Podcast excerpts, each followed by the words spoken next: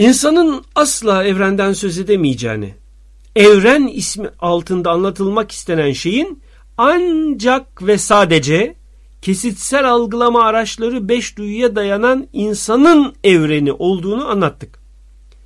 Daha sonra da madde diye bir şeyin gerçekte var olmadığını, madde tespitini dahi beş duyuya dayanan algılama araçlarının yaptığını, başka algılama araçlarının da başka maddeler tespiti yapabileceğini açıklamaya çalışıp her algılama aracına göre değişen sayısız madde alemleri vardır ki onlar bize göre hep madde ötesi alemlerdir demiştik. İnsan beş duyu verileriyle evreni tanıyamayacağına göre insan evren içi bir varlık olduğuna göre evrende her şey madde ötesi dalgalardan ya da kuantsal yapıya dayanan çeşitli frekanstaki çeşitli anla, anlamları kapsamında bulunduran birimler olduğuna göre bu takdirde özü itibariyle insan nedir?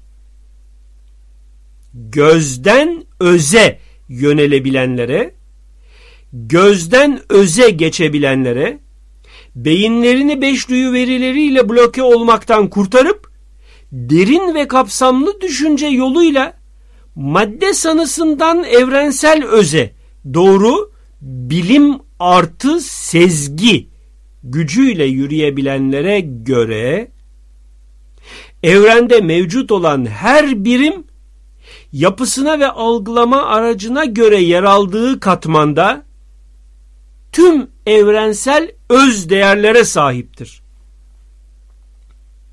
Evrensel öze sahip bulunan her birim kendi algılama araçlarının oluşturduğu katmanda yaşadığı sürece o katman kendi madde dünyası olarak mevcuttur. Diğer katmanlar ise yok hükmünü alır algılama aracının kapasite yetersizliği dolayısıyla. Gerçekte evrende mevcut bulunan her şey aynı özden meydana geldiği için ister yaratan güç denilsin, ister günümüz deyişiyle salt bilinç diyelim bu evrensel kudret ve ilim, me holografik bir biçimde evrenin her katmanındaki her birimin her noktasında aynı şekilde mevcuttur. Evrene aynı özden meydana gelmiş değişik terkiplerdeki sayısız türün algılama araçlarından bakışı bir yana koyup tüm algılama araçlarının kapasitesine sahip tek bir algılama aracıyla özden yapıya doğrultusunda bakabilirsek algılarız ki canlı, sonsuz, sınırsız ilim ve kudret sahibi kendi varlığı dışında başka bir şeyden söz edilmesi mümkün olmayan tekten başka bir şey mevcut değildir. Ki artık siz ona ne isim verirseniz veriniz. Bugünkü bilimsel değerlendirmeler geçtiğimiz binlerle yıllık süreç içinde mevcut olmadığı için o günün gözden öze yönelenleri beş duyunun kesitsel verileri üstüne beş duyu ötesi algılama sistemlerini de devreye sokarak bu gerçeklere önemli ölçüde ulaşmışlar. Ancak ne var ki kendi lisanları ile mecaz yollu bu gerçekleri dile getirmişlerdir. Evrenin tek bir ruhtan meydana geldiğini, her şeyin varlığının bu tek ruh ile mevcut ve devam etmekte olduğunu, insanın özünde mevcut olan bu ruhu dışarıda aramasının boş bir şey olacağını vurgulayan özermişler. Ne yazık ki kendilerini gözle sınırlayanlar tarafından anlaşılamamışlardır. Evren özü itibariyle tek ve tümel bir bilinç ve enerji olduğuna, gerçekte sonsuz sınırsız yapısına ve her birimin kendi ilmi ve kudretiyle ve gene kendi varlığıyla var olduğuna göre insan için evrenin gerçeğine vardırıcı tek yol gene insanın kendi bilinci ve özüdür. İster tüme varış, ister tümden geliş sistemleriyle hareket edelim. Öncelik hep tümdedir.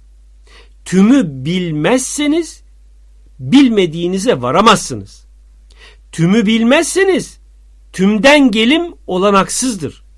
Öyleyse her koşulda öncelikle bilinmesi zorunlu olan tümdür. Maddemiz beş duyu verilerine göre mevcut olan bir katman olduğuna göre algılama araçları değiştikçe maddeler de değişeceğine göre bu hükmü veren bilinç kesinlikle anlaşılır ki madde değildir. Bilinç madde olmadığına göre evrensel özden gelmiş, evrensel öz ile mevcut ancak yapısını henüz değerlendiremediğimiz meçhul frekanslı bir dalga boyudur.